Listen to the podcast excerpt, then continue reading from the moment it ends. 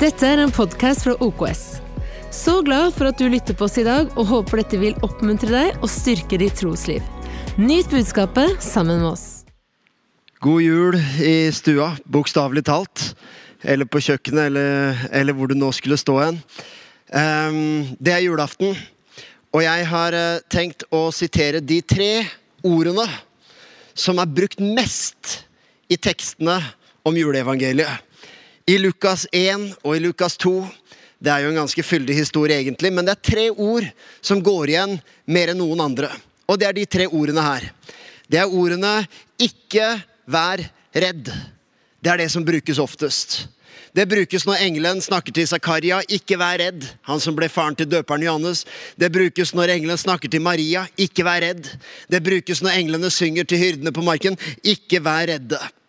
Så det er åpenbart noe av undertonen med det vi skal få med oss i forhold til at Jesus kom til jorda. Det er ikke vær redde. Det er noe som gjør at vi ikke trenger å frykte. Her er problemet mitt med det. Også når jeg leser det i Bibelen, sånn i utgangspunktet. Ikke vær redde. Det er jo på en måte Når man faktisk er redd, så er det noe av det mest irriterende jeg kan høre. Ikke vær redd. Jeg har, jeg har en, liten, en ørliten anelse høydeskrekk. Da deler jeg hemmeligheter på julaften her. Det er min gave til deg, da, vet du. Jeg har litt høydeskrekk, og det blir verre jo eldre jeg blir. Og du vet, det, På en måte så er jo det mest irriterende jeg kan høre, når vi er på vei opp i en høyde, eller vi kjørte en sånn, eh, en sånn her taubane i sommer, og jeg, jeg, kjenner at eh, jeg er ikke noe stor fan av det. Men det hjelper på en måte ikke at noen bare sier 'ja, ikke vær redd'. Ikke vær redd. Det er jo det som er problemet. Jeg skjønner jo ikke, jeg skjønner at det er dumt å være redd, men jeg er jo redd.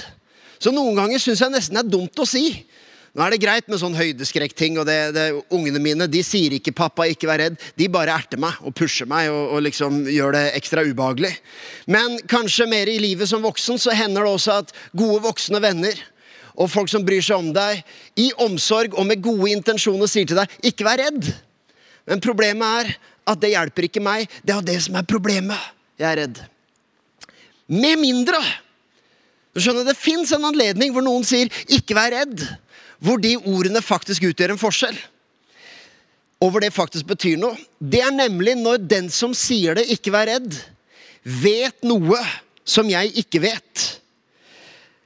Det er f.eks. sånn når av og til så, så eh, ser jeg kanskje en fotballkamp i opptak. Og sønnen min Theodor han har kanskje sett kampen allerede, så han vet åssen det går til slutt. Og så når jeg kommer hjem og så ser jeg kampen i opptak, og så sier jeg til Theodor, som sto og sang her i stad, så sier jeg at eh, ikke, ikke fortell åssen det går, jeg vil liksom leve meg gjennom kampen og oppleve og føle matchen. Og så havner laget mitt under. Jeg har en tendens til det. Alle lagene jeg heier på, har en tendens til å havne under. Og så sitter jeg og bekymrer meg og tenker nei, nei, nei, nå blir det poengtap igjen. Nå blir det poengtap i dag. Og så ser jeg på altså Theodor er veldig flink og ikke avslører noe, så han sier ikke resultatet. Men jeg kan se på hele blikket hans at han veit åssen det går til slutt. Han sitter i sofaen, og han smiler, og han kniser, og han heier på samme lag. Og selv om han ikke sier noe, så er det som om hele ansiktet hans lyser. Ikke vær redd, pappa. Jeg veit åssen det slutter. Vet du hva? Litt samme, eller egentlig enda mer det samme, er det med Jesus og med de englene som kom med budskapet. Du skjønner, Den eneste som har troverdighet til å si 'ikke vær redd', det er en som sitter på informasjon som ikke jeg har. En som veit mer enn meg.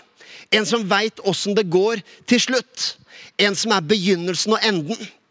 Og jeg tenkte På denne julaften så skulle jeg bare fortelle deg at uh, det var en, en, gang tidligere i år at jeg prekte noe lignende som det jeg sier akkurat nå. Og fortalte, brukte litt samme eksempel. Det var nemlig søndag 3. mai. Søndag 3. mai i år, det var noen uker inn etter nedstengningen, koronasituasjonen og alt sammen. Og da arrangerte vi en drive-in-gudstjeneste i OKS. Så vi var på en eh, stor åpen plass eh, her i Lillestrøm, hvor vi hadde en fantastisk scene og eh, egentlig hadde veldig forventninger til denne kvelden. Og vi hadde plass til masse biler som skulle komme og få høre gudstjenesten gjennom FM-radioen i bilen. Og det var, det var et fantastisk prosjekt. Men det som skjer denne kvelden, er at det er et ordentlig, ordentlig, ordentlig møkkavær. Skikkelig ruskevær. Det regner, det er kaldt, det blåser sidelengs. Det er omtrent sånn vær vi har hatt på Østlandet i desember, egentlig. Dette var i mai. Uh, og jeg husker jeg tenkte det at uh, jo, dette er jo en magisk kveld, og vi, vi skulle liksom Det var en sånn engangshendelse, denne driving-gudstjenesten. Men jeg husker jeg var litt sånn skuffa. Uh, Syntes det var litt kjedelig at det skulle bli sånn vær da, akkurat denne kvelden. Så er det to minutter før jeg skal på. Og jeg, jeg om akkurat den innledningen jeg hadde i dag. Det var det jeg hadde i manuset mitt og skulle preke den søndagen på driving-gudstjenesten.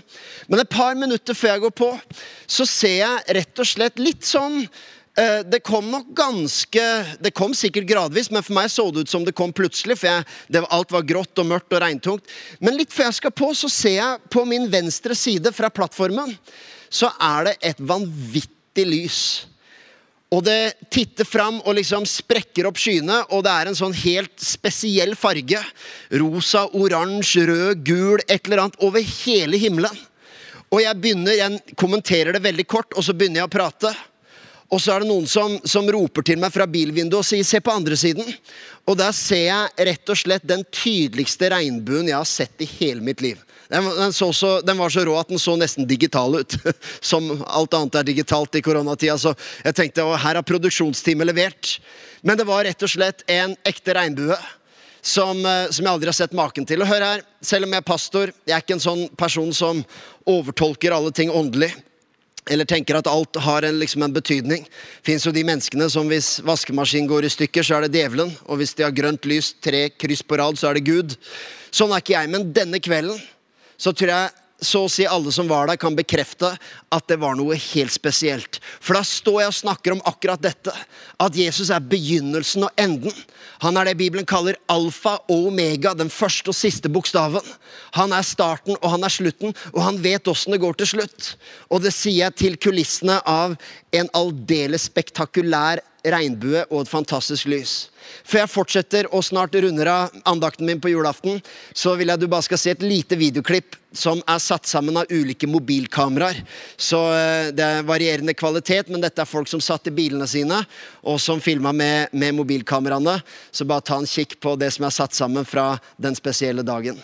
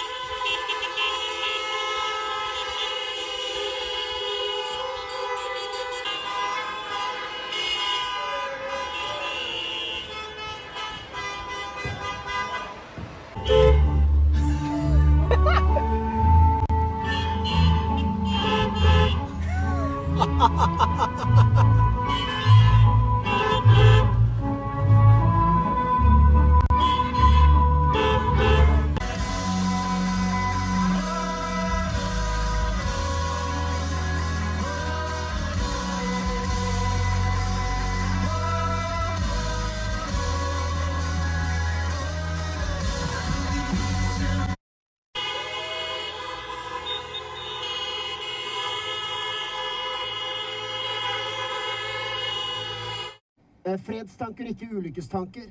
Jeg vil gi dere fremtid og håp. Du skjønner, på det tidspunktet så er Israel i en situasjon hvor de ikke forstår. De er i eksil. Det er én ting som er sant om Gud, så er det at han vet noe som vi ikke vet. Som sagt, det betyr ikke at alt ender sånn som vi ønsker oss. Men uansett hvilken situasjon du er i i dag, så kan du gjerne visualisere og se for deg liksom Gud sitte sammen med deg og smile og si 'Jeg vet åssen det går til slutt'. Jeg er begynnelsen og enden. Ikke Han vet åssen det går til slutt. Han vet åssen det går til slutt med din depresjon. Han vet åssen det går til slutt i den økonomiske stormen du står i.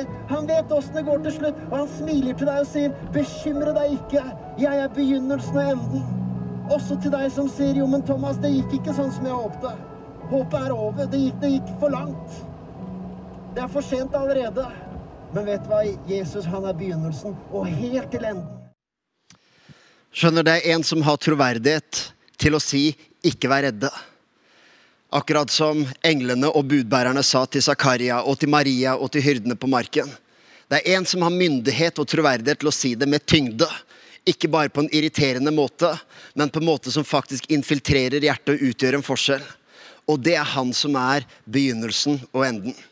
det jeg har funnet ut noen ganger i livet, som kan være frustrerende, det er at selv om Jesus er begynnelsen og enden, så gir han oss ikke alltid begynnelsen og enden. Han gir meg ikke slutten. Noen ganger så skulle jeg ønske jeg kunne fått enda mer fra Gud. Gud, åssen går det her? Når slutter det? Når begynner det? Er det andre enn meg der ute som Eller det vet jeg der, for jeg har hørt det ganske mange ganger kommentert i det siste. Jeg gleder meg til korona er over kan jeg selv på julaften få et amen i sofaen fra alle mann. Jeg gleder meg til det er over. Jeg gleder meg til det er normalt igjen. Aldri før jeg har hørt så mye skryt av et normalt liv og en normal hverdag. Gleder meg til ting kan bli som før igjen. Før snakka vi om at det er på tide med noe nytt. Nå drømmer alle om Jeg gleder meg til det blir vanlig igjen. Og jeg er blant de som sier jeg skulle veldig gjerne ha visst. For jeg synes Noe av det mest frustrerende med korona er planlegging. Når får vi gjort det? Når får vi reist dit? Når får vi gjennomført det? Men her er hva jeg oppdaga. Gud er begynnelsen og enden. Jesus er alfa og omega. Men han gir oss ikke alltid datoene. Men her er det som er fantastisk med det. At når Jesus sier 'ikke bekymre dere' og 'ikke vær redde', så er det sånn at det som er min fred, det ligger ikke i at jeg får vite slutten. Det som er min fred, ligger ikke i bønnesvaret. Min fred ligger i en person. Det ligger ikke i bønnesvaret, det ligger i Han jeg ber til. Mitt håp ligger ikke i at jeg endelig får mitt mirakel, selv om vi er en sånn type kirke som tror på at bønn er for bønnesvar. Men mitt håp ligger ikke i et mirakel, det ligger i Han som gir miraklene. Mitt håp ligger ikke i gavene jeg får fra Gud. Mitt håp ligger i giveren. Derfor har jeg oppdaga noen ganger også at der hvor jeg kanskje tenker at hvis jeg bare får det, hvis Gud bare vil gi meg fred, hvis Gud bare vil gi meg håp, hvis Gud bare vil gi meg mitt bønnesvar, hvis Gud bare vil forandre omstendighetene, hvis Gud bare kan slutte hele koronagreiene, hvis Gud bare kan gi meg datoen det blir sånn, så har jeg fred. Men det er ikke sånn det funker. For det er Han som er vår fred. Vår fred ligger ikke i omstendighet, det ligger i en person. Og da har vi fred ikke på grunn av omstendigheter men på tross av dem. Min fred er i ham. Han er min fred. Han er mitt håp. Han er ikke bare mitt bønnesvar, men han er den som jeg har mitt fundament i. Det er han som har myndighet til å si, vær ikke redde, frykt ikke, bekymre dere ikke. Jeg er begynnelsen og enden. Nå tror jeg bønn er til for bønnesvar. Jeg tror at vi har erfart det, og det går an å erfare det. Men det som er nydelig, er at du kan få erfare en relasjon. Hvor det ikke bare ligger i at du får ditt mirakel, men det ligger i å kjenne Han. For han er min fred, han er mitt håp, og han er mitt fundament. Til Zakaria så sa engelen, ikke vær redd. Fordi han ga årsak. Ikke vær redd, for din bønn er blitt hørt, sier han. Ikke vær redd, for din bønn er hørt. Kan jeg få lov på julaften å si det samme også til, til alle dere der ute? Det fins en grunn til at du ikke behøver å være redd, for det er at din bønn er hørt. Og her er en liten detalj som jeg håper ikke tar fra liksom, forventningen til noen, men bare en liten detalj. Det står nemlig ikke 'ikke vær redd, for din bønn er blitt, svart, blitt besvart'. Det står det ikke. Ikke vær redd, for nå, nå blir alt besvart. Nå ble Zakarias bønn besvart, men han sier ikke det. Han sier 'ikke vær redd, for din bønn er blitt hørt'. Vet du at ditt håp ligger ikke bare i et bønnesvar, Ditt håp ligger i det faktum at du er bønnhørt. Du har en som hører i andre enden.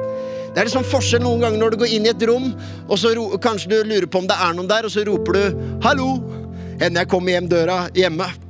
Hjem døra, inn døra hjemme. Og så roper jeg 'hallo' for å sjekke om det er noen der. Men det er litt annerledes når jeg roper et navn, og f.eks. roper 'Katrine'. Det er kona mi. 'Katrine! Jeg er sulten.' Nei.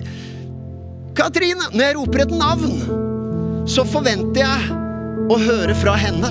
Og jeg vet at hvis hun er der, så er det hun som hører. Vet hva engelen sier til Zakaria? Ikke vær redd, for din bønn er blitt hørt. Og jeg har lyst til å si spesielt til deg òg som er litt usikker på hva du tror på. Hvem som er der ute. Kanskje ditt bønneliv eller din åndelige situasjon er mer et lite sånn 'hallo'. Da har jeg lyst til å si dette til deg. Jesus kom til jorda. Ikke bare for å gi oss noen symboler og fine engler å ha på en peishylle. Jesus kom til jorda for at din bønn ikke bare skulle være et hallo langt ut i et sort mørke. Han kom for at din bønn skulle være til en person, og at du skulle rope ut og kunne si 'Pappa, er du der?' Pappa, far. For det er det Jesus kom for. Det står at han kom for å vise oss hvem Gud er. Det står at han, eh, ingen har kjent Faderen uten å kjenne Sønnen. Jesus kom midt i all forvirrende religion og alle forvirrende eh, syn på, på, livet og evigheten og det åndelige og bud og moral og regler og bla, bla, bla. Så kom Jesus for å vise oss hvem Gud er, hvem pappa er. Vet at du har ikke lenger bare et hallo ut i det store mørket. Nei, du kan rope hans navn. Du kan få lov å rope til far i Jesu navn og vite at Jesus kom til jord. Han er ikke lenger et barn som ligger i en krybbe. Han er frelser og herre. Han sto opp fra de døde. Han er ikke lenger en baby som jeg skal trille rundt. Nei, han er min frelser og herre som får lov å lede og bygge mitt liv. Og du kan få lov å si hans navn og få lov å vite at din bønn, uansett om dem er besvart eller ikke Kanskje neste julaften skal jeg holde en andakt om bønnesvar. Men i dag så sa engelen til Zakaria, eller det er det som jeg betoner i dag Engelen sa til Zakaria, ikke vær redd, for din bønn er blitt hørt. Uansett om din bønn er blitt besvart eller ikke vet du at du har en som hører deg. Han elsker deg, han ga sitt liv for deg, og han kom ikke bare for vakre tradisjoner, han kom for at du skulle ha et navn å snakke til og vite at din bønn blir hørt. Takk, gode far, at når jeg ber, så vet jeg at det er noen som hører. Takk at min bønn er mer enn et stort hallo ute i mørket, men det er til en person, og du er begynnelsen og enden, pappa far. Du er begynnelsen og enden. Takk at vi ikke behøver å bekymre oss og være redde, fordi du er vår fred. Du er vårt håp. Den ligger ikke i omstendighet, men den ligger i å kjenne deg. Og jeg ber for hver, hver, familie, hvert hjem rundt omkring av mennesker som følger med på denne julaften-gudstjenesten, at de skal få lov å lene seg på det håpet denne dagen. Uansett omstendighet, bønnesvar eller ei, så skal de kunne lene seg i at jeg kjenner Han. Han har bønnhørt meg og han er min fred, og han er mitt håp. I Jesu navn, vær velsigna. Ha en nydelig julaften. Eh, åpne gavene med brutalitet eller, eller med ro i ro og mak. Gjør hva du vil, men vær rikelig velsigna, og vit at du har en person som har hørt din bønn. Han er din fred. I Jesu navn. I Jesu navn. Takk for at du tok deg tid til å lytte på en av våre podcaster fra OKS. Vår visjon er å bringe Jesus til mennesker i vår verden, og mennesker i vår verden til Jesus. Følg oss ellers på vår YouTube-kanal og sosiale medier. Du er velkommen til å besøke en av våre kirker. For mer informasjon, sjekk ut oks.no.